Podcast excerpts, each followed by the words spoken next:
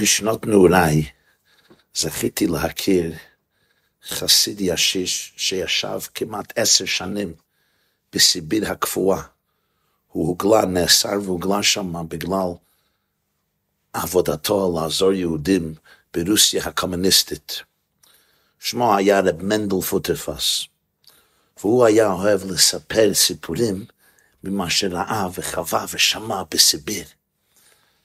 איתו בכלא, בגלות, היה קוזק, חייל קזק ישן, שנאסר והוגלה לסיביר בגלל נאמנותו העמוקה להצעה.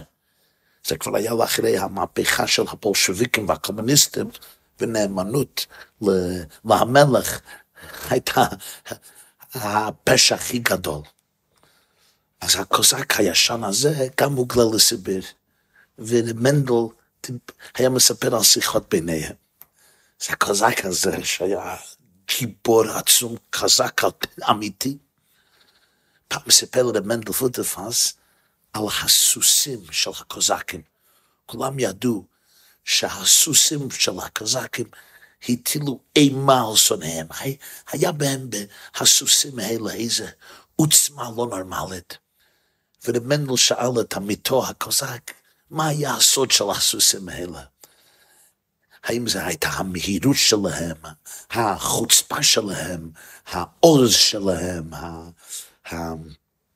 הנכונות שלהם לקפוץ לתוך האש, לרוץ בצורה שסוסים אחרים לא היו רצים. מה, מה היה הסוד של הסוסים האלה, האימתנים? אז הקוזק אומר לו למנדל, זה הכל אמת ויציב ונכון, אבל הוא אומר, הלב. למנדל אמר, the hearts, הלב של הסוסים שלנו היה שונה. לא הבין, איזה לב?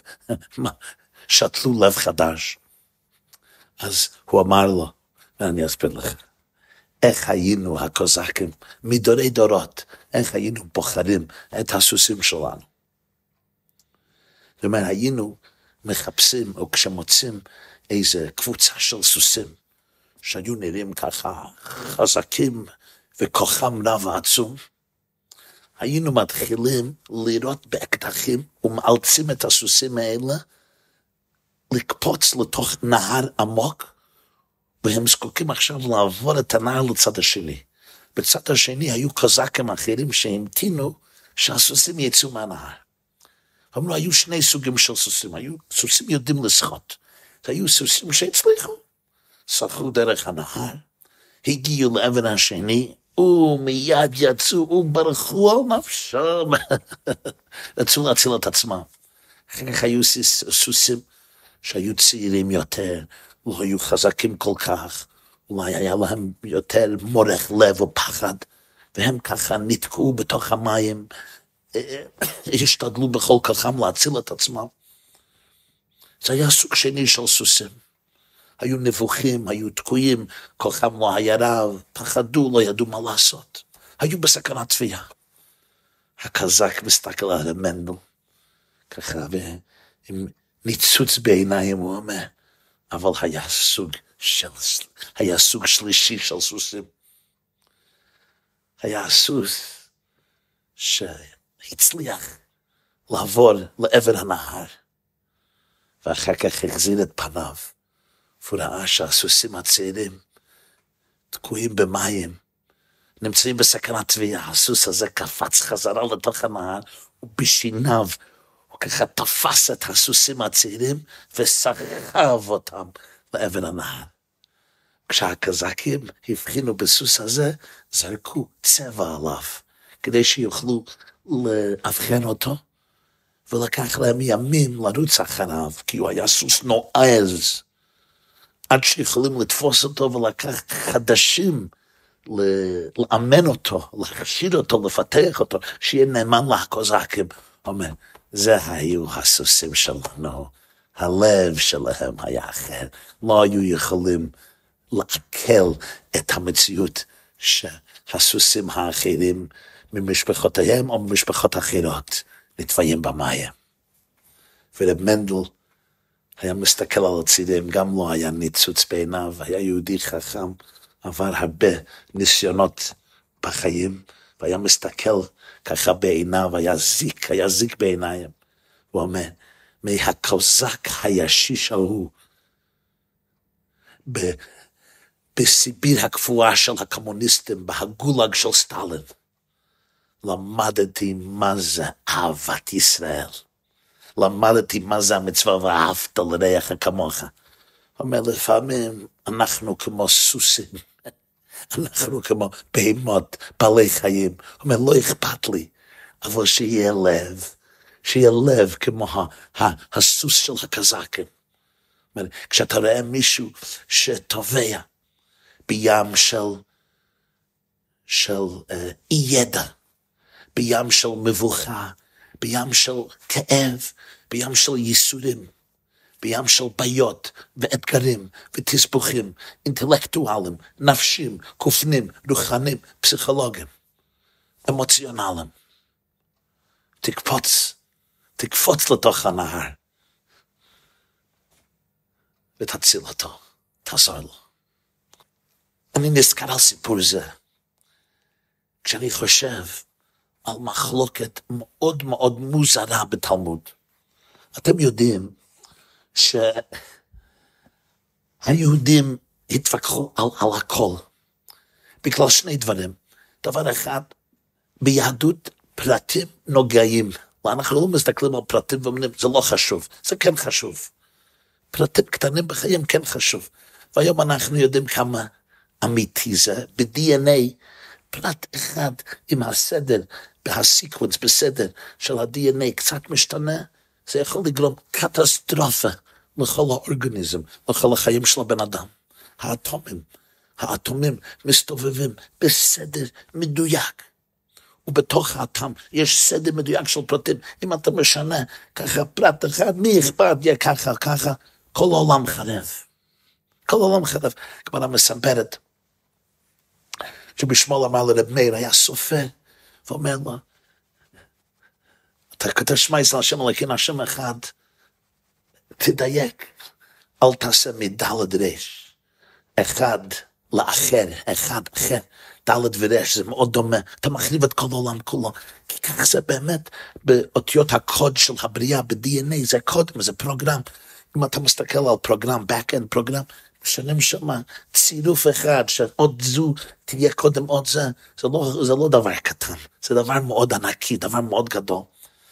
אז מתווכחים על פרטים שלכאורה נראה למי אכפת, אבל ביהדות זה כן חשוב.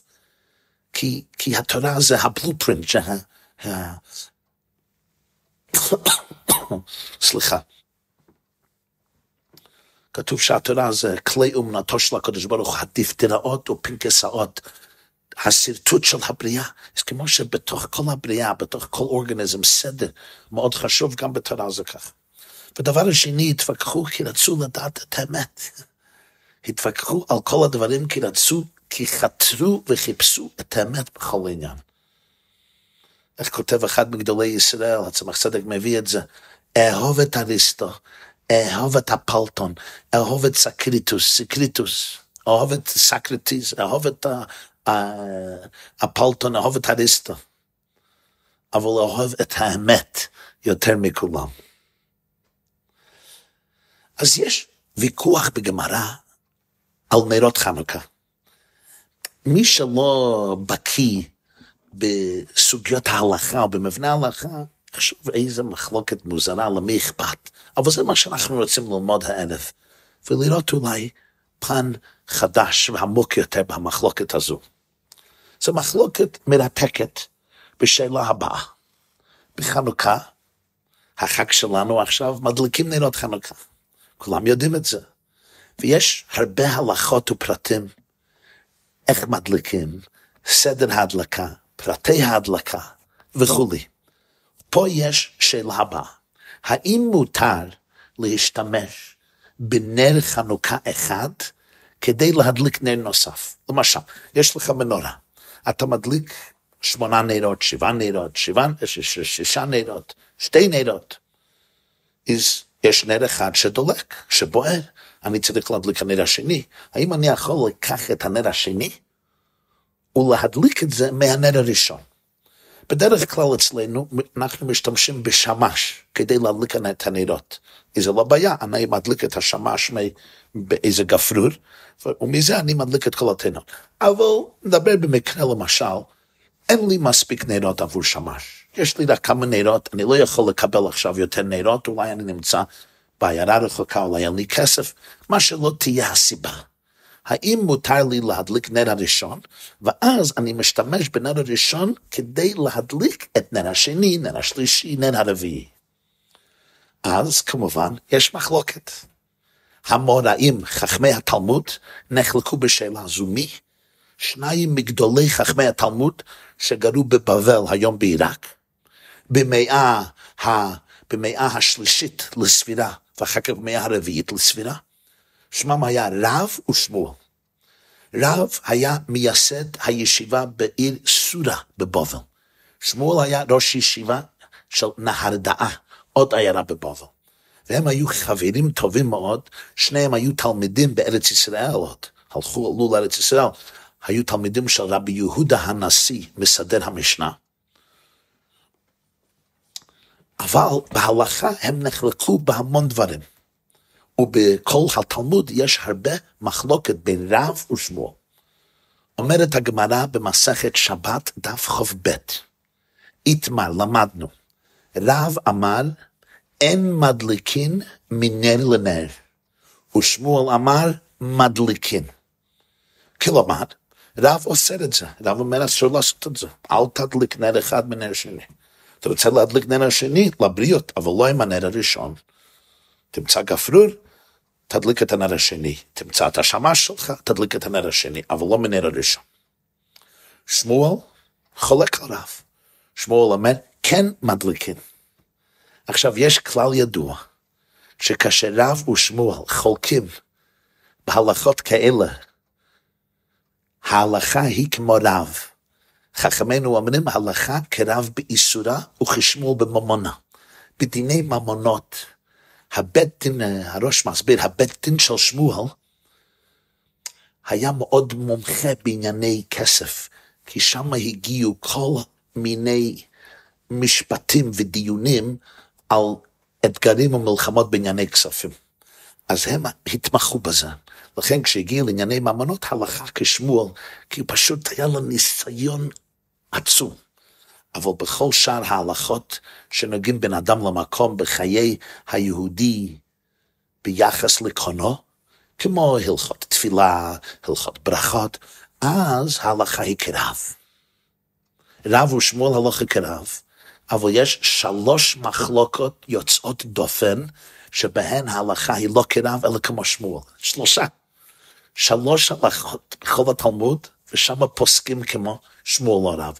אחת מן השלושה היא במחלוקת שלפנינו. הגמרא אומרת במסכת שבת, עומר אביי, שבכל דברים הלך רבה לפי רב. אבל בשלושה דברים הוא עשה כשמואל, ואחד מהם זה מדליקין מנר לנר. הלכה היא כמו שמואל, לא כמו רב. מותר להדליק מנר לנר.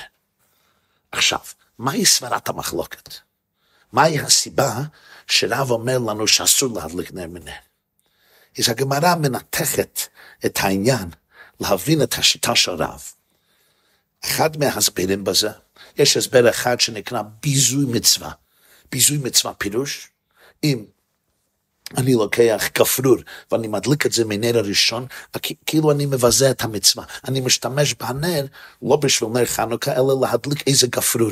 הגם שהגפרור הזה אני אשתמש בו להדליק נר שני, אבל זה קצת מבזה את המצווה. אתה משתמש בנר המקודש של חנוכה לתכלית אחרת שלא קשורה ישר לחנוכה, אתה מדליק איזה גפרור. יש ביור שני בגמרא. הכחושי מצווה. הוא מכחיש את המצווה, מכחיש מ' ח' ח' י' ש', כלומר הוא יוצר ככה, שהוא יוצר חלישות במצווה. הוא מחליש את המצווה. זה נעשה כמו אומרים, בהמה כחושה. המצווה נעשית חלשה יותר. למה? רש"י מסביר שכאשר מדליקים לנר, זה נראה כאילו שממעטים וגוזלים ומחסירים את האור של הנר הראשון. רש"י כותב בארמית, דמחזי כמאן דשקיל נהורה. זה נראה כאילו אתה גוזל, אתה לוקח אור מהנר הראשון, אתה לוקח את זה לנר השני. אתה ממעט את הנר הראשון, אתה מכחיש, אתה מחליש את המצווה. רש"י אומר, זה נראה כאילו ששואב קצת מהלחלוכיות של השמן שלו. אפילו אם אני לא לוקח כפית ולוקח שמן מנר ראשון ומכניס בנר שני, אבל עצם העובדה שאני מדליק נר הראשני מנר ראשון, לפחות לפעמים אני כן יכול לקח קצת מהשמן או קצת מהפתילה, אז אני באמת מכחיש את האור הראשון, אני מחליש את זה, אבל אפילו אם אני לא באמת לוקח שמן, אני רק מדליק נר מנר, זה נראה כאילו שאני לוקח קצת מהלכלוכיות שלו, מהשמן שלו. ולכן רב אומר לך, אסור להדליק נר לנר, אסור להכחיש את המצווה. אבל שמואל לא מסכים.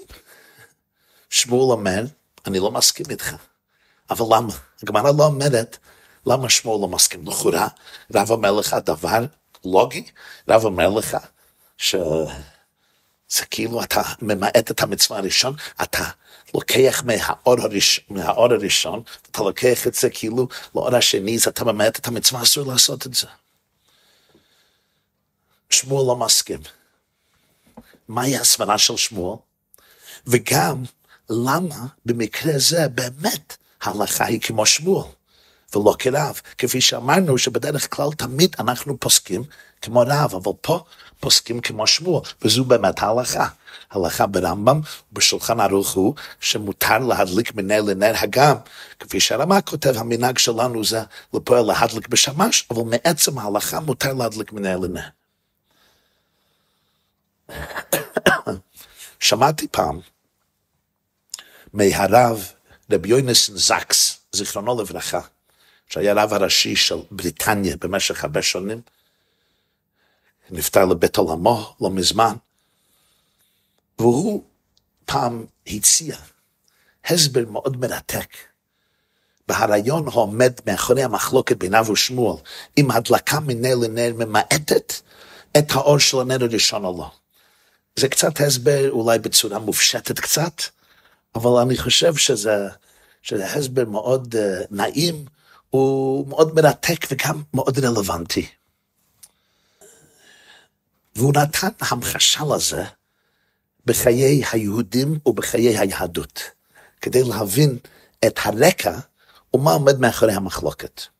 הוא אומר, הדרך הכי טובה להבין מחלוקת רב ושמואל, זה לחשוב על שני יהודים שהם יהודים ששומרים תורה ומצוות. הם, מחוי... הם מרגישים אה, השתייכות לתורה. הם מרגישים השתייכות למסורת ישראל מאבותיהם ואבות אבותיהם ואימא וסבתא עד למעמד הר סיני במשה רבנו. זה יהודים שרוצים וחיים באורך חיים יהודי בחיי יום יום. עכשיו מישהו מציע להם, מבקש מהם, מעורר אותם, ללך ולקרב ולהשפיע ולהתעסק ביהודים שאולי לא למדו תורה בחייהם, לא מקיימים מצוות, לא היה להם חינוך יהודי תורני, הידע שלהם או אפס, או לפחות יותר מצומצמת. תזמין אותם לבית, תזמין אותם לשולחן שבת, תתעסק איתם, תקרב אותם, תיצרו קשרים וקשרים ואהבה וחיבה ותגדלו ביחד, כל אחד יכול לגדול, וכל אחד יכול ללמוד אחד מחבריו, איזהו חכם הלומד מכל אדם, אתה תלמוד ממנו, הוא ילמד ממך. מה התגובה? אז יש יהודי שיגיד, I'm sorry, אני לא יכול לעשות את זה. סליחה, אם אני עושה את זה, הרמה הדתית שלי נופלת, שמירת ההלכה שלי נפגעת, האור שלי יומת. אני צריך להקדיש זמן וכוחות ואנרגיה זה יגזול מהאור שלי. אולי זה אפילו יפגע בי. אולי האור שלי יהיה יותר חלש, אולי זה יפגע במשפחתי, אולי זה ייצור סטנדרטים אחרים בבית שלי. אני מבין את זה. הרב סקס אומר, זו השיטה של רב. אין מדליקים מנר לנר, כי זה לוקח משהו מהנר הראשון. תן לנר הראשון לבעור לבריאות בפני עצמו. אתה רוצה להדליק נר שני, תמצא, תמצא מקור אחר. אבל יש יהודי שני, וזו השיטה של שמואל. והוא אומר, אני לא מסכים. אין כאן הקושי מצווה. אנחנו לא מחלישים את הנר הראשון. אולי זה ממש להפך. למה בוא נחשוב על זה. אם אני משתמש בלהבה שלי להדליק הלהבה שלך, אז בעצם מה קורה?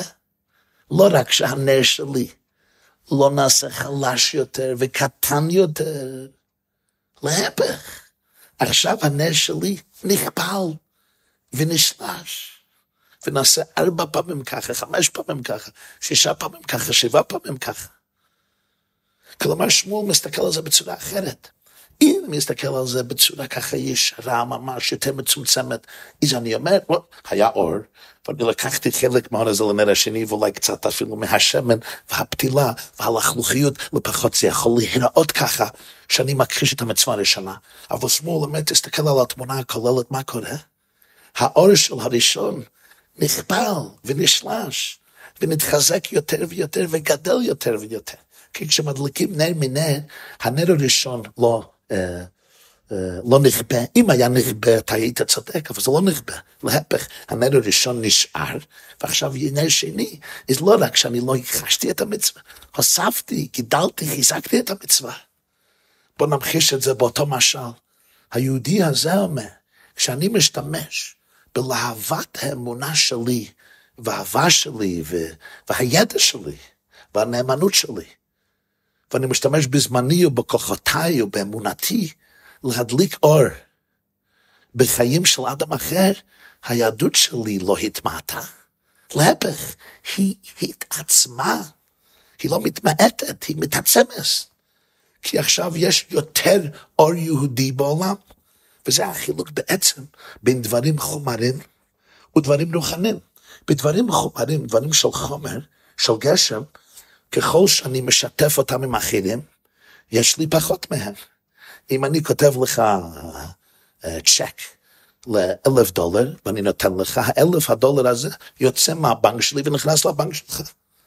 אם אני נותן לך משהו, אם אני נותן לך שירס בה, בהנדל"ן שלי, אני צריך משקיע, אז אני צריך לחצות את הרווחים, ואני צריך לתת לו מניות בה stock שלי, זהו, זה שייך לך, זה לא שייך אליי. כלומר, אם אני מעניק, זה לוקח משהו ממני. זה בדברים גשמים. ובדברים רוחניים זה בדיוק להפך. ככל שאני משתף אותם עם אחרים, יש לי יותר מזה. למשל, אם יש לי חזון גדול, ויש לי חזון, ויש לי פתוס ורגש ולהט, ואני אומר, אני לא אגיד את החזון הזה לאף אחד. למה? הם יגזלו את זה ממני. אם אני מסתכל על האגו, או הגשמי, הרווחים הכספיים, אני רוצה הפטנט, אני רוצה להיות השליט, אבל הבית זה נכון. אני לא יכול לחלוק את הידע הזה עמך, כי זה עכשיו, אתה תוכל אה, לרוץ עם הכדור. אבל אם החזון שלי בוער בעצמותיי באמת, אז מה אני אמור לעשות? אני רוצה להגיד את זה לכל אחד, ואני רוצה להדליק את האש הזה בעצמותיהם. כי אז מה יקרה? אז החזון ילך ויגדל הלאה והלאה, וי, ויתפרסם ויתפשט ויתוסף כהנה וכהנה. אם יש לי ידע, אם יש לי אמונה, אם יש לי אהבה, ואני מניק את זה בחום ובהתפשטות אליך או אלייך, מה קורה? האמונה נכבה, האהבה נכבה, הידע נכבה, להפך, הידע הזה, האמת הזו, הפשן הזה, הלהט הזה, החזון הזה, עכשיו מתפשט. למשל, רב. או מנהיג שיש לו איזה חזון לעולם, לעולם היהודי, לעולם הכולו. אני לא אגיד את זה לאף אחד, זה שייך אליי. זה כבר שיקול חומרני, זה כבר שיקול מאגו. אם השיקול הוא באמת אכפת לך שהעולם ישתנה להפך, אתה רוצה שכל אחד מהתלמידים שלך יישא את החזון הזה בתוך הלב, בתוך העצמות. אני חושב תמיד על זה, אני גדלתי בצילו של הרבי מלובביץ'. הוא היה מנהיג באמת, עם חזון, היה לו חזון, והוא לא הפסיק לדבר על זה. מה שאני זוכר תמיד, אני חושב, היה אכפת לו שחזון הזה שייך רק אליו. כן? למה זה אנוכי? איך אעשה לבדי? משה רבינו, איך אעשה לבדי? אני לא רוצה שזה יהיה לבדי. אני לא היחיד בעולם. כל אחד אחראי לשנות את העולם. חייב אדם לומר, בשבילי נברא העולם. הרבי תמיד היה מדבר ככה, ומה זה, מה קרה? הוא העביר את האש בעצמות של, כל, של המון מתלמידיו וידידיו וחסידיו ושומעי דבריו ואלה ש, שהבינו את הדברים, שעכשיו, עכשיו, עשרות שנים אחר כך, הם נושאים את החזון הזה, בעוז, בתנופה, בשמחה. זה, זה הכוח של מדליק נר. אש זה סמל לדבר רוחני, תדליק עוד נר ועוד נר ועוד נר ועוד נר, לא לקחת מהנר הראשון, להפך. נר הראשון התעצם פי כמה וכמה עד שאור מתפשט בכל העולם כולו, מעלה ארץ די את השם, כמיים ליום אחד מכסים. תחשבו אם משה רבנו היה אומר ליהודים, לתורה יש זכות יוצרים, ואני אני הבעל הבית, אסור לפרסם שום דבר בלעדיי. נו, מה היה קורה עם תורה? זה היה נשאר ככה, בקבוצה קטנה. מה משה רבנו אומר, הרמב"ם כותב בהלכות תלמוד תורה, יש כתר כהונה שייך לאהרון, יש כתר מלכות שייך למשפחת דוד, שבט יהודה, אבל הוא אומר, יש כתר תורה, זה הפקר. זה מונח הפקר, וכל הרוצה לבוא ליטול יבוא ויטול, והכתר הזה אומר חשוב יותר מכל הכתרים, בי מלאכים ימלכו. מה פירוש הדברים? הכוח של תורה הוא, זה לא שייך למישהו, אין שליטה לרב, לראש ישיבה, למנהיג, לרבה, אפילו למשה רבנו. הם שלוחים. ליתן את התורה לכל אחד, תורה ציווה לנו, משה, מורשה, קהילת יעקב. זה ירושה לכל יהודי ויהודי. ומה פירוש ירושה? אם ילד תינוק, אבא שלו מיליארדר, והוא מת, הילד הזה, התינוק, יורש הכל. מבחינה חוקית, הוא מיליארדר. הוא לא יכול להשתמש בכסף, הוא תינוק בעריסה, אבל זה שלו. מורשה קהילת יעקב. התורה שייכת כל כולה לכל יהודי ויהודי. אין לשום יהודי בעלות ושליטה על התורה. יש ליהודים זכות, אם אני למדתי, יש לי זכות ללמוד וללמד, לשמור ולעשות ולקיים דברי תלמוד תורתך באהבה. אומר לנו שמואל, מדליקים מנהלנה, וההלכה פה, בניגוד כמעט לכל ההלכות בתלמוד, נפסקת כמו שמואל. שמואל אומר לנו, תשתפו את היהדות שלכם עם אחרים, קחו את להבת האמונה, קחו את להבת האהבה, ותעידו את נשמתם של אחרים. אל תישארו בבועה שלכם, תשפיעו, תצאו, כל אחד יהיה מנהיג, כל אחד יכול להשפיע.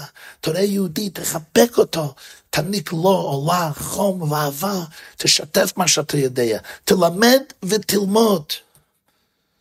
רב, הרמב"ם אומר שרב לא סח שיחה בתהילה כל ימיו. התלמוד אומר שרב לימד שבן אדם לא ימנע את עצמו מבית המדרש. אולי לכן רב באמת חושש מאוד לא להדליק נר מנר, הכחושי מצווה, אבל שמואל טען, go for it, תכבשו את העולם, תשפיעו על כל העולם, להפך זה יגדיל את היהדות, האור ילך הלוך ועלה, שהחזון הזה יבער בעצמותיהם של כל יהודי ויהודי ולפועל כל מבואי העולם. אולי שמואל למד את זה מכל המצווה של נר חנוכה. הגמרא אומרת במסכת שבת, בעמוד שלפני זה, דף כ"א, נר חנוכה, מצווה להניחה על פתח ביתו מבחוץ. זו מצווה יחידה, המצווה זה דווקא בחוץ. התוספות אומרת ברשות הרבים. והגמרא ממשיכה, ואם הוא גר בעלייה, אם הוא דר בעלייה, בקומה שנייה, הוא לא יכול להניח על פתח בביתו בחוץ, צריך לרדת מדרגות, יניחה בחלון. ואם זה זמן סכנה, אסור להדליק נר, מניח על שולחנו ודיו. מסבירים חכמי החסידות, חנוכה אומר שכל אחד צריך להעיד את העולם. לכל אחד יש כוחות להשפיע. כל אחד הוא מנהיג או מנהיגה. בתוך עצמי, בבית שלי, בקהילתי, במשרדי, בסביבה שלי. לכל אחד יש כוח להציל, לעזור, להגביה להשפיע. תעיר מבחוץ. אבל אם אתה בן עלייה, כתוב בגמרא סוכה, ראיתי, אומר רשב"י, ראיתי בני עלייה והם מועטים. לפעמים יש בן אדם, הוא בן עלייה, באמת הוא נעלה יותר מהעולם. הוא פרוש, הוא קדוש, הוא אצילי, הוא מובדל מטרדות העולם, הוא לא מסתובב ברשות הרבים מבחינה קונספציונלית, מבחינה, מבחינה, אה, לאו דווקא שלא מסתובב פיזי, אבל כל המהות שלו לא שייכת לעולם זה. הוא מופרש ומובדל. נו, עכשיו שהוא פטור, אומרים לו, בחלון, גם אתה צריך להיות מקור להשראה. לא בגלל שאתה אנוכי ואתה יש לה אגו, כי כל אחד ואחד הוא אחראי על העולם. איך אומר הרמב"ם בהלכות תשובה פרק ג' לעולם יראה אדם את עצמו ואת כל העולם שהוא כולו שקול. ומחשבה, דיבור ומעשה שלי יכול להכריע את עצמי וכל העולם כולו לקו זכות. אולי זה היה קצת מחלוקת, אם יש זמן של סכנה. פירוש, אם אני מאיר בחוץ, אז אני יכול להפסיד כל האור שלי. אז תלך לפנים, מניחה על השולחן ודיו. אולי זו המחלוקת בין נוח ואברהם אבינו. נוח אמר, אני מכניס נר חנוכה על השולחן. זהו, אני צריך לדאוג לי, לבני משפחתי, שהבית יהיה מואר. צוהר תעשה לטבע לפי הפירוש שזה אבן טוב בתוך הטבע, לא חלון. מה אברהם אבינו אומר? ויקרא שם בשם השם כל עולם. אברהם הלך מעיר לעיר, ממדינה למדינה, הוא פרסם את דבר השם, פרסם את המונותאיזם, פרסם אחדות השם, פרסם תורת המוסר.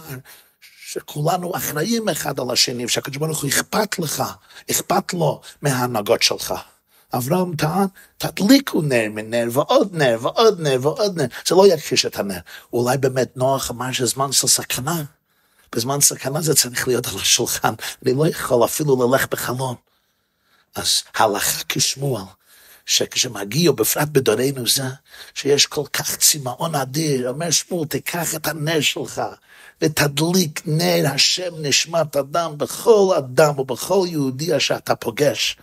וכמו הסוסים של הקוזקים, העיקר שיהיה לב, לא רק לרוץ לעבר הנהר ולמצוא מקום מחסה ומסתור לעצמי, אלא לקפוץ ולהציל ולהגביה כל סוס, להביא אותם לממש את ייעודם ותפקידם בחיים, כך שימלא, תמלא הארץ אורה, וליהודים הייתה אורה ושמחה וששון, וכך כשאומרים בפורים, כן תהיה לנו חג חנוכה שמח.